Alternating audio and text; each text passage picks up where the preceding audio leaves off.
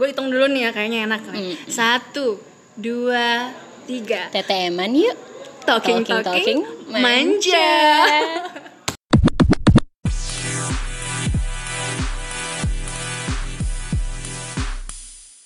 Harta yang paling berharga adalah keluarga. Di sana yang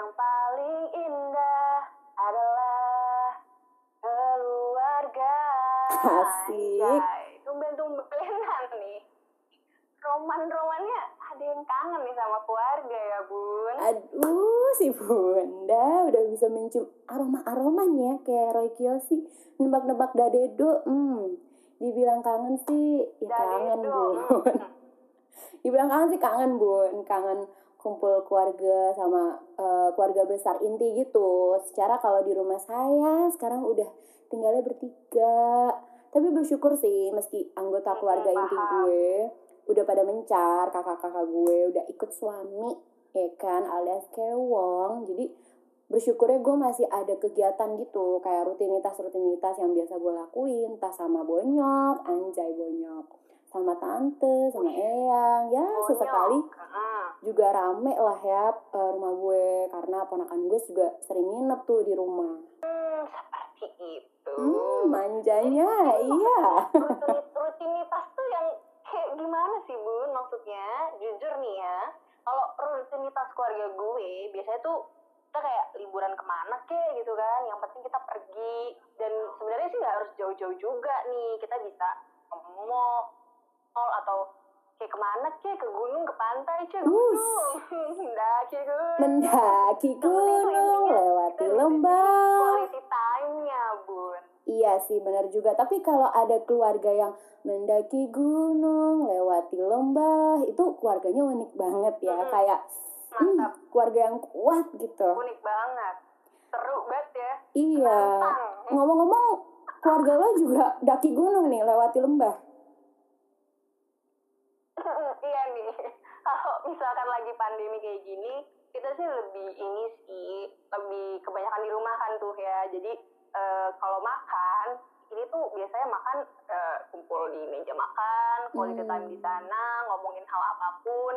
Pokoknya gue tuh nggak terbiasa ya di rumah gue makan tuh sendiri sendiri lo di kamar lo di sini gitu. Pokoknya kita ngumpul di meja makan eh, dari awal sampai akhir kita ngomongin apa pun itu yang terjadi di kantor, di kuliah, kampus segala macam. Hmm, mat meja makan tuh tempat ini bun, talking talking manja. Uh, manja, tumpah ruah semuanya, duar gitu ya. Udah duar-duaran Iya. candaannya gitu itu kan sampai lupa waktu. aja tuh. Hmm, bener banget. Seru banget ya rutinitas keluarga lo. Boljuk banget. Mm-mm. Kapan-kapan gue ikutin deh. Hitung-hitung lo bisa punya followers pertama nih jadi influencer. Ah, apa sih ngomong apa sih? Jadi influencer yang membahana ya kan? Jadi learning by doing with Afra. Iya bener banget. Nanti Sama jadi keluarga besar gue. hmm, influencer-influencer yang tentang keluarga gitu ya, keluarga yang harmonis.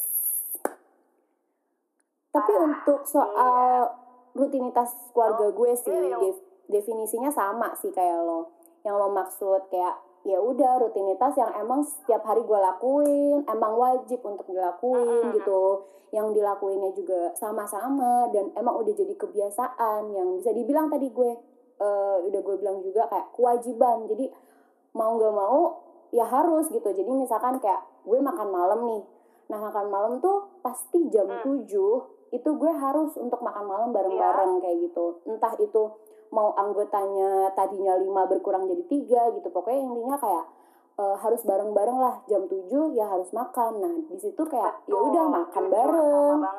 Iya, makan bareng, cerita-cerita bareng, kayak gitu. Entah cerita dari berbagai genre, dari berbagai usia ceritanya. Jadi kayak dari usia tante gue, dia tadi siang tuh ngapain aja, terus dari gue, gue tadi siang tuh nonton apa aja, Nah. dari nyokap gue gitu. Jadi berbagai genre, Iya bener banget. hmm, kayak berita ya. Jadi dari berbagai genre gue bisa meresap gitu. Biasanya tuh malah yang unik nih Bel ya kan.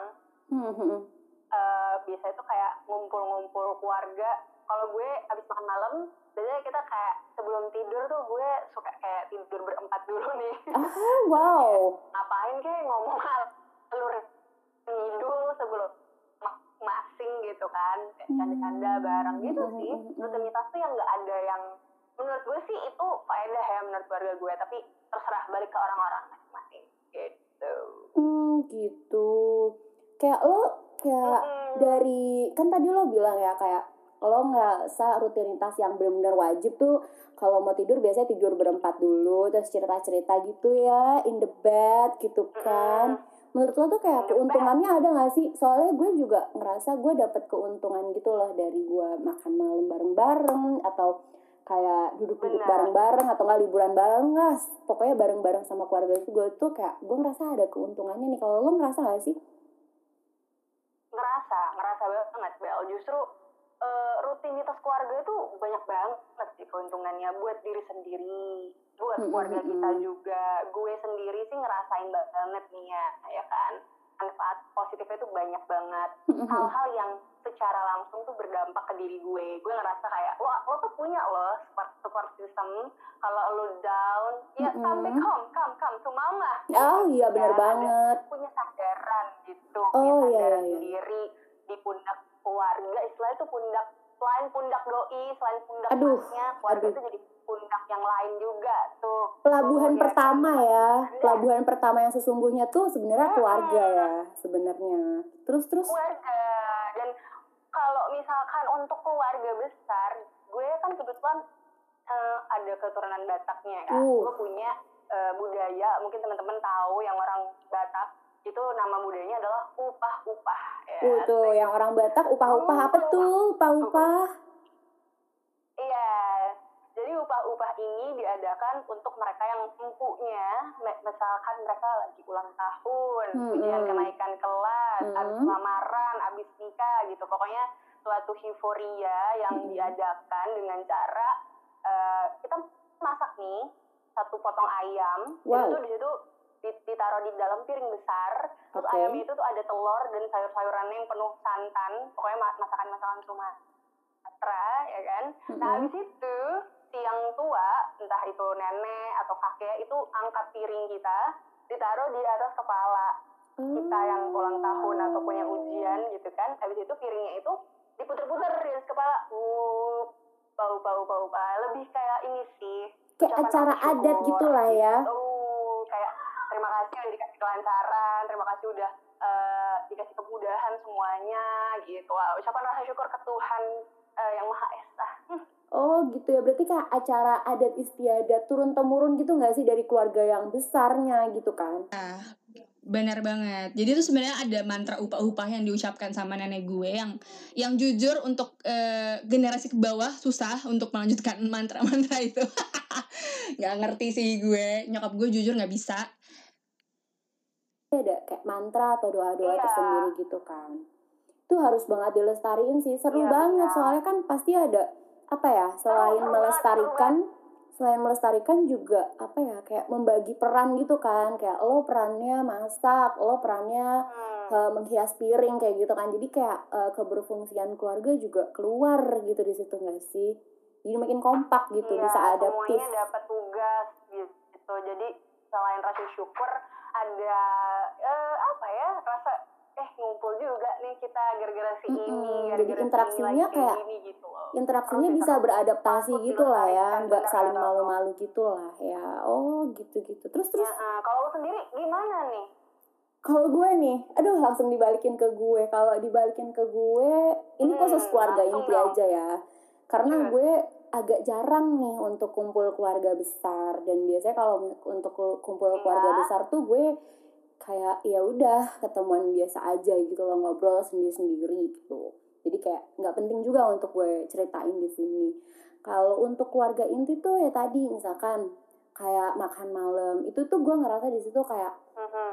eh apa ya berbagi empati terus juga apa ya melatih kita untuk peka melatih oh melatih untuk peka dan juga apa ya menambah informasi dan wawasan. Karena kan tadi tuh gue dapat dari info-info berbagai genre. Entah itu dari kalang apa namanya informasi di kalangan usia lansia atau di kalangan usia yang apa namanya kalangan usia ibu-ibu rumah tangga gitu. Pasti kan beda-beda tuh kan informasinya. Terus dari kalangan 9 to 5 para pekerja di sana gitu kan beda-beda. Jadi To five. Nine to Itu five, kayak siapa tuh, kan? Itu, ya kan? Iya, jadi lagi. kayak gue mendapatkan informasi lebih banyak gitu loh mengenai apa sih yang terjadi di luar sana. Mumpung gue masih ada di dalam istana nih kan, belum keluar-keluar gara-gara pandemi. Gitu sih. Terus kalau liburan bareng-bareng tuh kayak ini sih gue belajar tentang apa ya? Paling kayak berbagi peran gitu sih kayak gue perannya ngejagain makanan. Biasanya gue ngejagain makanan tuh, bagi-bagi makanan di mobil biasanya. Terus Iya. megang maps kayak gitu-gitulah intinya. Meskipun pas megang maps aku tuh salah-salah ya, juga yang maaf ya. Terus juga hmm, apalagi ya? Ini sih melatih adaptif gue sama keluarga eh, keluarga inti gue meski kayak sama keluarga inti mungkin karena udah banyak yang mencar ya terus juga banyak yang sibuk jadi gue harus lebih beradaptasi sama mereka kayak lebih banyak ngomong sama mereka gitu kadang-kadang gue juga kalau nggak banyak ngomong gue gue diem dieman aja gitu loh jadi kalau liburan bareng tuh ya melatih gue buat berinteraksi lebih cas cas cis cus gitulah intinya lebih kayak bawel gitu loh kalau gue sih itu sih yang gue rasain Iya, iya. Mhm. Cakep sih, cakep deh. Itu gue setuju banget tuh, bener banget. Mungkin kita langsung lurusin aja nih ya, biar teman-teman manja pada gampang nyimpulinnya ya. Oke. Kalau misalkan kalau kalian tuh eh, ngerasa deket sama keluarga, pasti tuh ada rasa yang ditimbulkan sendiri, ada efek positif dan ada efek jangka panjangnya gitu. Contohnya nih yang Bener. kayak gue kutip di salah satu artikel nih ya Bel wow mainannya artikel dosen.com wih bilang ya, kayak, kayak kita belajar psikologi keluarga aja Bel sebelumnya kayak itu Oke, mata, hmm, mata hmm. kuliah yang sangat Eh, itu menyenangkan relate loh.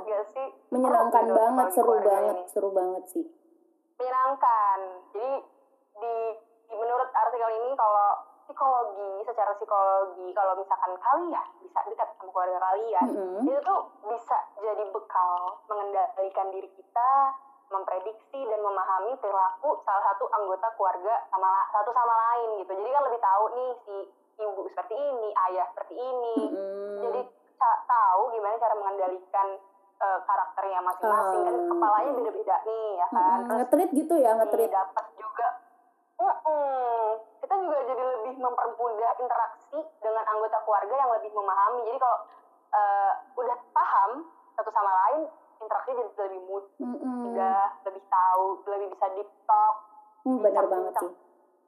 lancar terus kita juga saling tahu lah memahami keinginan dan karakteristik masing-masing anggota keluarga dengan baik gitu. oke Dan banget. jadi lebih menghargai memahami pendapat dan perbedaan yang ada sebagai proses untuk memberikan dukungan. Jadi bukan berarti adanya perbedaan itu Mm-mm. belah tapi justru itu malah eh, proses membentuk Menyatukan lah ya. buat keluarga kita gitu uh, menyatukan dan lebih apa ya saling menghargai gitulah ya jadi kita selain bisa Mm-mm. mengetahui dan menghargai perasaan dan emosi anggota keluarga kita kayak kita juga tahu nih eh, anggota keluarga kita tuh mau ditreatnya kayak gimana sih terus juga kita harus bisa mempersiapkan filter kayak filter untuk mama harus kayak gimana ya? Filter untuk papa kayak gimana ya? Kayak gitu. Jadi kayak untuk sharingnya meskipun harus eh, maksudnya kalau mau deep talk pun sharing deep talk pun juga harus milih-milih nih kata-katanya yang kayak gimana gitu kan. Takutnya kan antara kita tuh beda perspektif ya. Antara kamu dan aku aja beda perspektif. Iya pemahaman. Bener Ah, sekali. mohon maaf. ya mohon maaf kenapa tuh Eh, antara kamu dan aku beda perspektif kayak gitu. Gimana beda aku perspektif. dan keluarga aku? Beda perasaan gitu. Susah nyatunya gimana caranya ya? Duh ya udah deh gue cari nih ya eh, ke jurnal kali ya gimana cara menyatukan perbedaan perasaan antara kamu dan aku. Tapi sebelumnya gue bakalan iseng-iseng juga nih Boleh. nyari jurnal. Gue siap nyimak. Jurnal ini gue siap nyimak banget parah Oke, simak ya.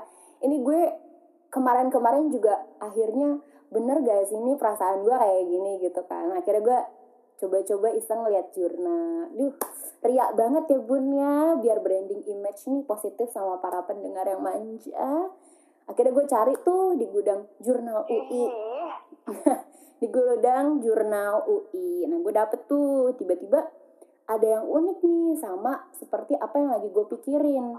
Nah judul eh, judulnya itu ya ada keterkaitannya lah ya dengan hal ini yang kita bahas soal ritual keluarga alias rutinitas keluarga. Jadi judulnya itu sebentar gue buka dulu. Oh ini dia. Ritual keluarga sebagai diskriminan keberfungsian keluarga. Oleh Rizky Amalia Jamil, Arlina Gunaria, Dia Kusmarini. halo. Halo, dari Fakultas Psikologi UGM dan Program Studi Psikologi Fakultas eh, Makassar Hasanuddin, Universitas Luar. Hasanuddin. Ah, Oke, jadi di sini gue bakalan kasih tahu dulu nih kalau misalkan ritual keluarga tuh secara apa ya ilmiah lah ya didefinisikan sebagai pola interaksi yang ditandai oleh adanya pengulangan secara alamiah dijadikan sebagai kebiasaan ya kontinuitas panjang generasi jadi kayak ya berulang secara generasi itu pasti ada terus berulang. Heeh.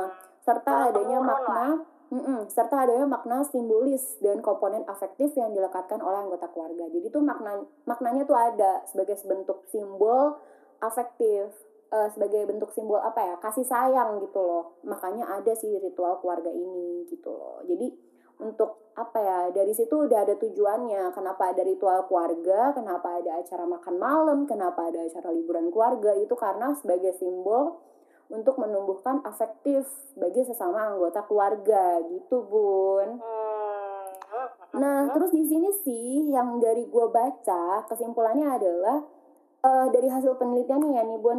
Jadi tuh, aduh gue bun-bun mulu ya kayak anak mama sekolah siapa nih. tahu bentar lagi jadi bunda. iya, Bunda piara piara. Duh jadi nyanyi lagi kan. Oke. Jadi dari apa yang gue Iya, baca gue juga. simpul, gue simpulin nih hasil penelitian dari si rekan-rekan kita. Ah, kita banget rekannya nih. Pokoknya rekan-rekan ini eh kalau em, apa ya kayak eh ritual keluarga yang paling eh, banyak dilakukan oleh orang dan berpengaruh juga sama keberfungsian keluarganya, sama dirinya dia sendiri gitu lah yang bener-bener ngasih efek positif banget. Itu adalah pertama liburan keluarga, Bun. Karena liburan keluarga itu Nah, merupakan tuh, tadi yang gue bilang. Heeh, karena liburan keluarga itu merupakan aktivitas rekreasional yang biasanya direncanakan untuk menghabiskan waktu bersama keluarga. Nah, jadi tuh liburan keluarga tuh bisa saling berbagi cerita, kayak lo duduk-duduk di taman atau di pantai gitu kan di Ancol. Udah buka lo Ancol, Bun?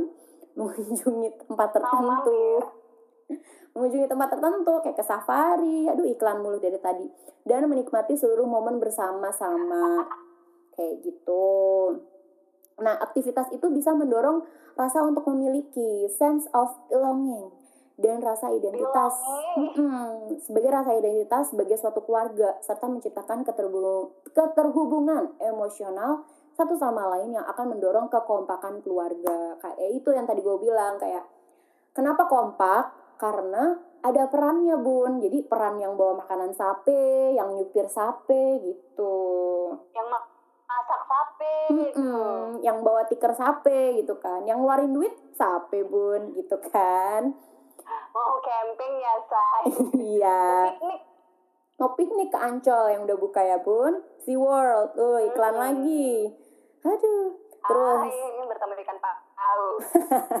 terus yang kedua adalah ritual makan keluarga yang sebagai bentuk ritual yang bersifat rutin harian sehingga dikategorikan Iya. dikategorikan sebagai tipe rutinitas keluarga kayak gitu jadi kan di sini juga dikasih tauin bun kalau ritual keluarga makan malam tuh makan malam makan siang makan pagi terserah deh ya pokoknya itu tuh kayak ya udah keluarga berkumpul duduk bersama untuk makan bersama nah di situ juga ditandai adanya percakapan yang intim selama aktivitas tersebut berlangsung seperti itu bu Oh, iya. nah di sini juga Oke, kebanyakan kita juga udah jelasin nih.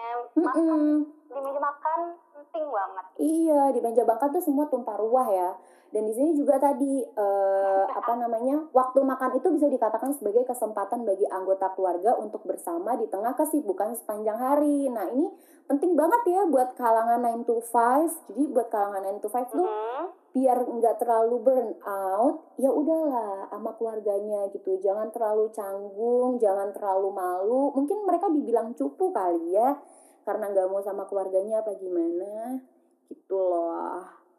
Terus ada lagi sih bun, satu lagi, tapi gue lupa Apa apa, tuh? sih. Oh, ritual lainnya itu tradisi etnis dan budaya yang tadi lo lakuin tuh sama keluarga besar lo. Kayak Nah, ya. Apa tadi namanya? Gue lupa kan? Duh, upah upah upah-upah. Nah, kayak upah-upah itu. Nah, itu katanya bisa eh, membangun tadi rasa kekompakan, adaptif antara anggota keluarga besar lo kayak gitu sih. Nah, yang satu pengen gue sampein nih. Ternyata untuk ritual peringatan keagamaan bersama keluarga besar kayak perayaan Idul Fitri, Idul Adha. Nah, untuk di jurnal ini hasil penelitiannya kurang menunjukkan efek yang berpengaruh gitu loh, Bun. Jadi eh, an- oh iya. Mm-mm, kurang berpengaruh gitu. Gue nggak tahu sih ini eh, karena apa. Jadi gue nggak mau nebak-nebak tapi gue cuma pengen ngasih tahu itu doang. Mungkin karena sering nanya kali ya para keluarganya kayak udah nikah belum? Udah punya anak belum? Udah mati belum? Gitu. Jadinya kayak kurang berpengaruh ya. Kurang spiritual nanti ujung-ujungnya kapan mati ya bu. Mm-mm, spiri- spiritualitasnya kurang berpengaruh untuk keberfungsian keluarga. Jadi kayak ya udah Ah, itu sih iya, yang mau iya, gue iya. sampein dari jurnal karena Iya. malah agak lebih sensitif ya ditanya kayak gitu. Bener banget. Kayak mama ntar kapan mati kapan hidup lagi kapan mati suri kayak gitu. Jadi kayak nggak kurang berpengaruh gitu kan? Mm-mm. betul banget Bel. Jadi sebenarnya itu banyak faktor ya. Tapi lu tau gak sih sekarang zaman sekarang tuh gak semua gitu sama uh, tua deh anak sekarang nih lebih pentingin gadget gitu misalkan sibuk sama HP-nya gitu Mm-mm. T- bener sih sih cerita gitu eh nggak bisa jauh-jauh dari handphone gitu ya ada sih gue ada iya ada cerita sih kemarin. Jadi gini, kayak gue mikir karena di zaman kayak gini kan udah banyak kemajuan nih ya. Kayak udah banyak VR, anjay gue ngomongin VR, tiba-tiba ada nih di otak gue nih ngomong nih. Terus ya apa-apa. di di mana-mana apa namanya nggak bisa jauh-jauh dari handphone generasi nunduk ya kan? Nggak bisa jauh-jauh juga dari kerjaan kantor banyak deadline gitulah ya. Nah ini kayak bebe- beberapa juga banyak temen gue banyak cerita juga gitu kan Eh, dan apa namanya tante gue pernah cerita nih soal hal ini. Jadi itu kayak mereka merasa sulit untuk membagi bahkan sampai ngerasa hah lu masih ada waktu buat nyemetin bercengkrama gitu sama keluarga-keluarga lo? Gitu. Jadi gue waktu itu pernah nih ini percakapan waktu malam jamuan makan malam antar generasi. Hmm. hmm, kan? Mantap. berat tuh tiba-tiba si tante gue ini kan pekerja 9 to 5 ya jadi iya eh ya udah akhirnya dia sharing tentang apa yang dia alami sebagai pekerja 9 to 5. Nah, eh, kak tante gue ini kan ibaratnya sepupuan gitulah ya sama nyokap gue. Nah, terus dia cerita-cerita Iya. cerita-cerita tektokan nyambung intinya kayak eh, dia ngomong gini, "Masa ya eh di kantor gue itu ada yang ngerasa eh gue tuh aneh gitu. Jadi dia tuh ketika si tante gue ini cerita nih sama temennya, kayak dia kan cerita gini, "Eh, iya eh, kalau kata sepupu gue sih bla bla bla bla bla gitu. Dia pokoknya menceritakan suatu topik gue lupa tentang apa. Terus kayak dia, oh ya pokoknya dia menceritakan tentang suatu topik gue lupa apaan. Terus tiba-tiba eh, dia ngomongin bawa-bawa sepupunya dia gitu bawa-bawa nyokap gue. Iya kalau sepupu gue tuh malahan kayak gini kayak gini kayak gini loh. Eh, pas gue ceritain kayak gini gini dia responnya kayak gini gitu kan. Nah terus habis itu si temennya tante gue ngomong gini hah?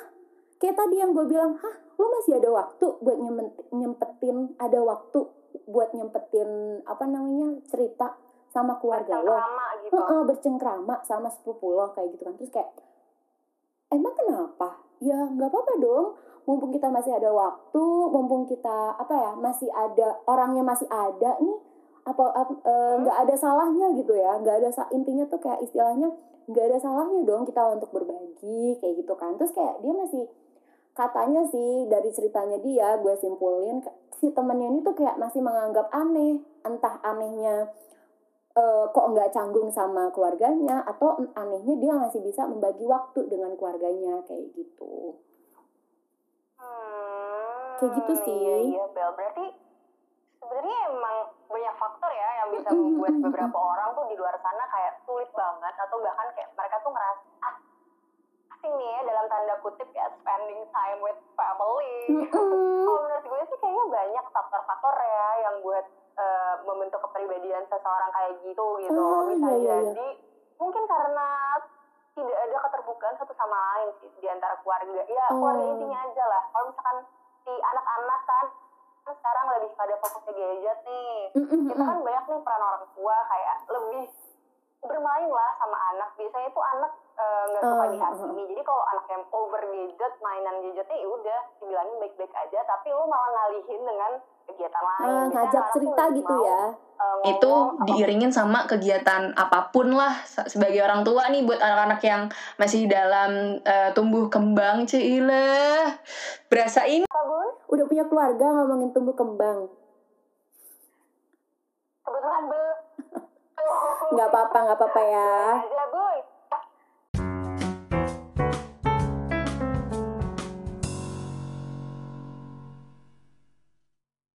balik lagi keluarga itu tempat terbaik akar terbaik gitu kan muncul karakteristik sese- karakteristik seseorang Mm-mm, mm-mm. Hmm, bener juga sih.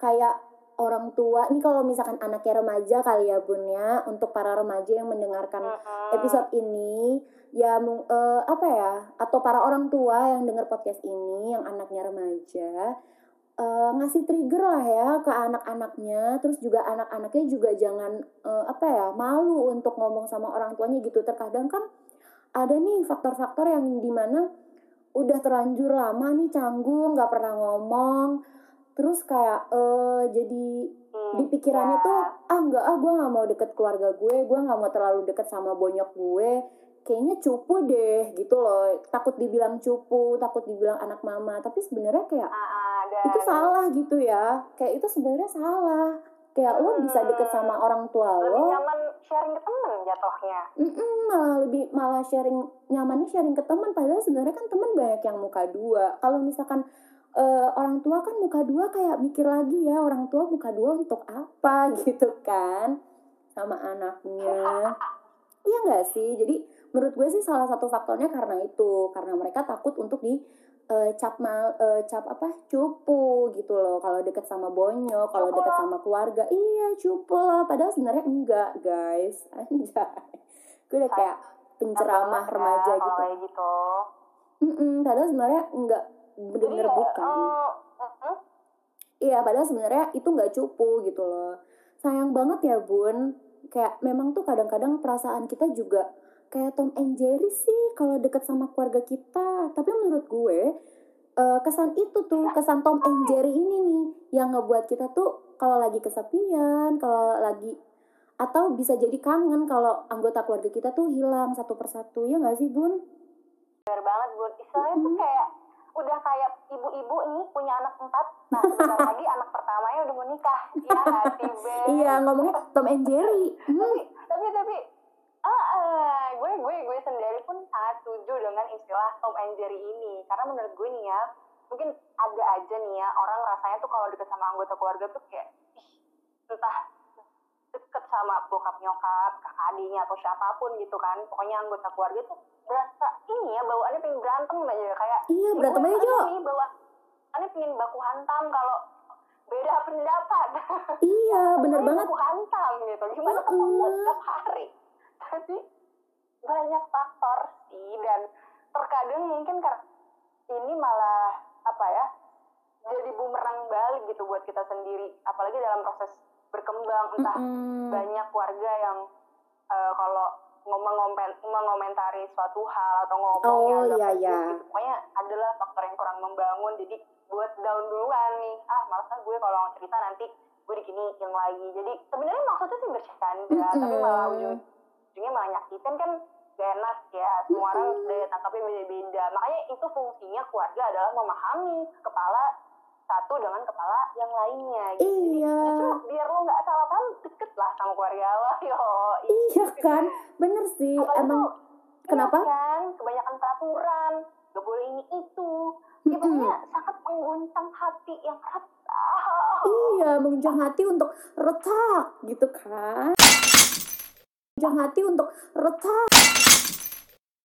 Iya bener banget Iya sih, emang bisa meretakkan hati gitu loh kayak banyak peraturan ini itu nggak bisa. Apalagi kalau misalkan ada keluarga nih eh, bonyoknya eh, terlalu apa ya overprotective gitu loh dan keras kepala ini nggak boleh itu nggak boleh ya lo harus jalanin itu. Jadi kan kayak akhirnya nggak ada pembicaraan antar apa ya antar anak dan sebagainya gitu kan. Jadi eh, apa namanya kalau misalkan anaknya ngecewain orang tuanya orang tuanya jadi retak terus juga kalau anaknya apa namanya nggak nuruti eh nggak kebalik ya pokoknya intinya satu sama lain bisa bikin retak. Aduh aku ngomong apa sih? Intinya itu bisa satu sama lain tuh bisa jadi retak gitu loh kalau berlebihan. Makanya pak makanya pak ustadz bilang kan apa pun itu tidak boleh berlebihan. Pak dokter juga bilang apa pun itu tidak boleh berlebihan.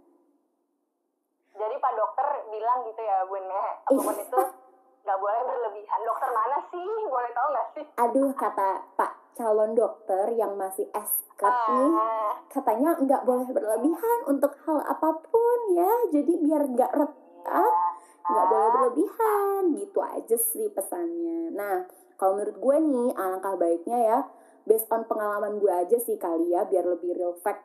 Jadi menurut gue nih Hmm. untuk eh, apa namanya mengurangi mengurangi keretakan hati satu sama lain di Iya. dalam keluarga gue sih memilih untuk memfilter sih apa yang mau gue ceritain. Nah tadi gue bilang yang mau gue share yang mau gue jujurin apa pun itu.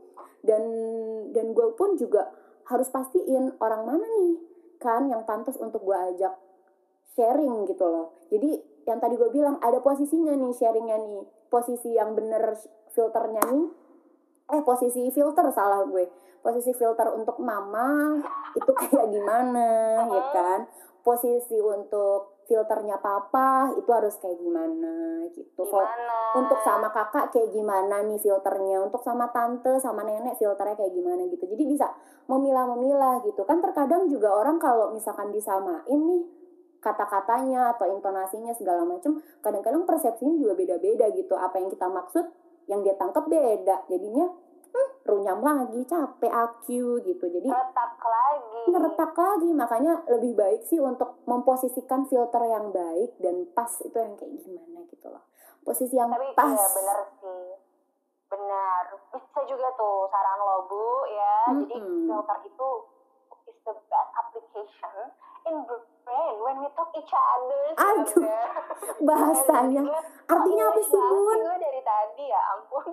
Artinya apa sih bun? Ya ampun. jadi jadi ya menurut gue filter adalah eh, tempat yang udahlah bun gak usah diartikin. Yang penting ini bukan filter Instagram iya deh ada gitu Google Translate kamus online cus buka aja tuh. gue sih ngefilter cerita gitu. Kadang eh, nggak semua hal, iya ini buat gue ya, nggak semua hal lo harus ceritain ke nyokap atau bokap lo gitu. Ya pasti ada beberapa hal yang mereka tahu, tapi ada beberapa juga yang mereka nggak tahu gitu kan. Dan mungkin ada beberapa yang nggak kefilter kalau kita cerita ke temen, contohnya kayak gue ke lo gitu, kayak apa aja Mm-mm. kebuka kayak gitu. Jadi itu fungsinya sih menurut gue. Jadi eh, lo tahu nih, oh ini gue tahu sampai mana gue harus cerita untuk papa gue sampai mana harus cerita. Ya bener sa- sama yang tadi lo bilang Mm-mm. lo udah plot plotin buat nyokap dan bokap yang mana Iya. buat adik dan kakak yang mana gitu. Biar lo juga nyaman eh, dan lebih lepas gue cerita tanpa Mm-mm, ada jadi biar nggak usah ada canggung, bingung gitu lah ya.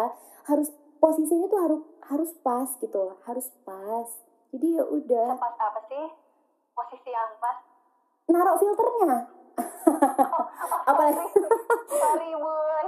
filternya filter kita untuk bercerita ya. Bukan filter filter yang lain. Bukan maksudnya bukan filter Oke. rokok gitu. Bukan filter untuk bercerita gitu loh. Kan banyak nih filter di dunia ini. Nah ini filter untuk bercerita dalam konteks ini ya. Disaring lah ya. Hmm, penyaringannya harus bagus. Apalagi untuk kayak kalau lo kelum- kumpul kan. Kelumpul kan jadinya. Kumpul di keluarga kumpul di keluarga besar nih ya kan Maaf bun, gue takut kepleset. enggak untungnya enggak alhamdulillah ya filternya masih bagus Eh, garansinya banyak Oh nih iya, jadinya bagus deh. di kalau ada rusak di hmm gitu. Oke, balik lagi kalau misalnya sama keluarga besar pun juga kayak lo memfilter juga kayak so, pasti kan lo tahu nih ya saudara lo yang ember kayak gimana, saudara lo yang punya kunci pas yang mana gitu kan. Jadi ya lo bisa memfilter kayak yang kayak gimana nih posisinya yang bener kayak Hmm. gitu. Pinter-pinter sih, pinter-pinter mengenali satu sama lain harusnya. Mm-mm, kayak gitu sih. Kayaknya satu lagi sih, kalau lagi emosi sama keluarga nih ya, kayaknya langsung aja kalian tuh Kenapa? pada play lagunya Mbak Unge. Yang tadi kita nyanyiin tuh biar kayak tiba-tiba nyadarin diri juga. Kadang-kadang kita juga harus ada apa ya trigger untuk nyadarin diri kita gitu loh. Kalau misalkan eh, keluarga tuh penting loh buat kita. Karena kalau nggak ada keluarga ketika lo dijauhin sama teman-teman lo lo mau ke siapa lagi gitu loh. Kalau lo bisa kuat sama diri lo sendiri bagus. Kalau misalkan lo jadi rapuh ayo siapa yang mau bantu kalau bukan keluarga lo lagi? Gitu kan. Jadi makanya kayak pupuk pertama yang harus lo kasih Setuju. itu ya ke keluarga lo biar mereka bisa berkembang jadi yang harmonis gitu loh jangan ke yang lain pupuk Hmm. pertamanya gitu kan karena pupuk pertama pupuk yang oke kan Iya dong. Baik lagi nih ke Mbak. Unge. Jadi bener banget ya Bel. Kalau kata Mbak Unge aja tuh dia bilang di lirik lagunya harta yang paling indah adalah keluarga. Nah, Jadi kan? keluargamu, bonyokmu, bokap nyokapmu, nah anjay kakak adik kamu, hmm saudara-saudaramu Mm-mm. sebelum mereka hilang ya para pendengar manja. hmm bener banget Ngomong-ngomong soal sayang menyayang. aduh aduh aduh Kemarin iya gue iya coba-coba Bel. It's, oh coba-coba apa nih sayang kok coba-coba buat sayang tuh nggak boleh Iya, coba-coba enggak dong. Iya anjir, banget kali. Ini tuh bukan sembarang coba-coba. Kalau sayang tuh jangan kayak fuckboy yang kalau ngechat gue atau ngechat orang lain banyak beloknya udah kayak jalanan puncak ke kebun aduh liku-liku ya Sray? Liku-liku Makanya ujungnya hmm gitu kan. Dasar pucek. gue gue coba-coba nih ya buat nanya question di teman-teman Instagram gue. Aduh. Hai teman-teman online, lah ya. Gue Perangkap jadi selebgram nih selama di rumah aja. Uh, uh, asik membahana banget deh deh. selebgram yang Jadi udah mulai berseluncur. Mm-mm. Iya, dari nol lagi aja. Jadi tuh gue Dari nol ya. mereka, rutini, rutinitas keluarga apa sih yang kalian kangenin ya kan? Ya, selama masa pandemi ini eh, lagi rutinitas kayak gitu lebih kayak perayaan hari raya keluarga besar, perayaan hari raya keagamaan mau Natal atau eh, Lebaran, terus apa namanya perjamuan makan malam Aduh. nanya hal kayak gitu ke mereka dan Mm-mm. alhamdulillah teman-teman manja kita ini gampang banget diajak kerja sama responnya lumayan. Terima 20-an kasih orang. Manja. Hmm, terima kasih Manja. Inces. Hmm, terima kasih Salah para princess-princess ini hal yang baik unik. hati. Mhm. ada satu hal yang unik Bel Mm-mm. Jadi, kebetulan gue punya kerabat yang ada di negeri jiran Malaysia. Halo. Halo Malaysia. Jadi dia sempat ngerespon kita, semoga aja respon kita, podcast kita didengar sampai ke negeri Malaysia nggak sih? Uh, Hmm, sampai ke negeri jiran ya. Lagi lu. Disukai oleh para pendengar di negeri jiran. Lama kelamaan pundi-pundi uangnya terbongkar untuk kita. Hmm. Lama kelamaan fans-fansnya pun ada untuk kita. Kenapa bun? lama kelamaan fans fans kita juga akan terbongkar satu-satu entah dari Australia, negeri jiran dan sebagainya. Manja, pokoknya starter starternya tuh dari ini dulu deh Malaysia dulu aja. Oke lanjut. Ya. Respon kita. Katanya tuh dia bilang eh, dia ngomong pakai bahasa Inggris. Ya langsung aja gue translatein. Dia bilang kalau tiap eh, lebaran biasanya tuh sepupunya tuh pada masak gitu deh. Di mana pun eh, sepupunya pada ngumpul atau pas lebaran gitu. Ya biasalah eh, ritual yang dilakukan selama lebaran. Hai kerabatku di Oke. Malaysia sana gitu Si Ya eh, Mbak kan? ini, si Mbak Manja ini dia setiap eh, kayak ini ya, kayak orang kalau Natalan di luar negeri tuh biasanya pada barbekyuan atau enggak lagi kalau di Iya. sini kita kayak apa ya tahun baruan barbekyuan nah kalau si mbaknya ini dia setiap benar-benar setiap lebaran sama sepupunya keluarga besarnya intinya pokoknya dia kayak Masak-masak. ya say hmm. Ada lagi, ada lagi, kan, ada lagi? sama kayak Mm-mm. dan ada satu highlight lagi dari teman SMA aku Aduh, ya kan dia duh. ngerespon juga aspiration gue oke dia bilang selama pandemi ini dia bilang emang nggak bisa liburan padahal Mm-mm. biasanya tiap tahun dia itu hampir liburan paling nggak tuh setahun dua kali lah Waduh. palingnya. entah mau ke gunung pantai seru banget ya Ah, ah, ah, ah, ah. tapi tahun ini nggak bisa jadi dia Hmm. lebih milih kegiatan di rumah sama keluarganya ngumpul dan unik nih apa tuh jadi dia ini eh, suka banget bedah buku Mm-mm. gitu Waduh. kebetulan gue tahu temen gue ini dia punya adik yang masih kecil-kecil lumayan mm-mm, mm-mm. jadi tiap anggota keluarga rulesnya adalah abis baca buku abis baca buku dia ceritain isinya ke anggota keluarga yang lain. Dan itu biasanya dilakukan minimal seminggu sekali. Wow Eh, serius loh? ya. Sih kayak eh eh ini serius lo temen lo beneran? idenya ya nggak sih? Enggak ini beneran beneran beneran dilakuin terjadi dan emang bener-bener kayak suatu kewajiban gitu continue gitu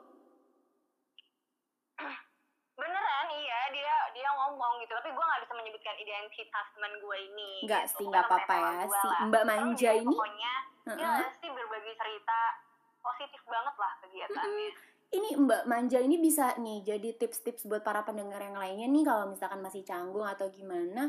Ini ini juga sih liburannya unik sih. Kalau nggak ke gunung ke pantai. Gunung ya kan? Keluarga mana lagi nih yang se asyik yang seheboh iya. ya kan liburannya ke gunung. Udah gitu kalau misalkan lagi nggak liburan ngebolang banget. Heeh, kalau misalkan lagi nggak liburan kayak sekarang nih mereka bedah buku. Wah cocok sih. Cocok sih. Ini kayak keluarga Capek harmonis plus berkualitas ya gitu. say berkualitas banget sih. Mm, aku suka manja. Manja-manja berkualitas ya. Dan ada mas-mas manja juga. Aduh duh duh salah duh. satu mas-mas manja yang respon aduh, aduh siapa dia sih? bilang katanya. Dia tuh Semanja apa dia? banget buat pulang kampung. Kenapa bu? Ini enggak nih kok si mas-mas manja emang ini semanja apa ini masnya nih? Manja banget masnya. Dan Hmm. sekali lagi gue gak akan menyebutkan identitas si mas. Oke. Dia bilang mau pulang kampung biasanya dulu itu tuh ke Madura naik kapal. Tapi sekarang dia cuma bisa lihat kapal lewat Suramadu aja. Ya udah mas. Kan udah ada akses lebih dalam cuma tinggal naik kapal sama Gak apa-apa ya. aduh. Mm-mm. Le- biar menjaga apa ya kesehatan. Lebih menjaga kesehatan tuh sekarang lebih utama. Lebih baik kayak ya udah lewat apa ya lewat mobil aja kita lihat kapalnya bareng-bareng ya nggak sih?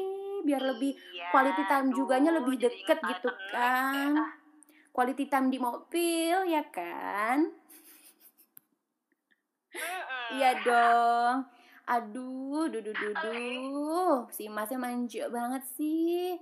Salut deh aku sama kamu kamu banget. kamu aja nih ya bisa luangin Salut waktu buat nih, keluarga sama perhatian sama sayang pula ya kan?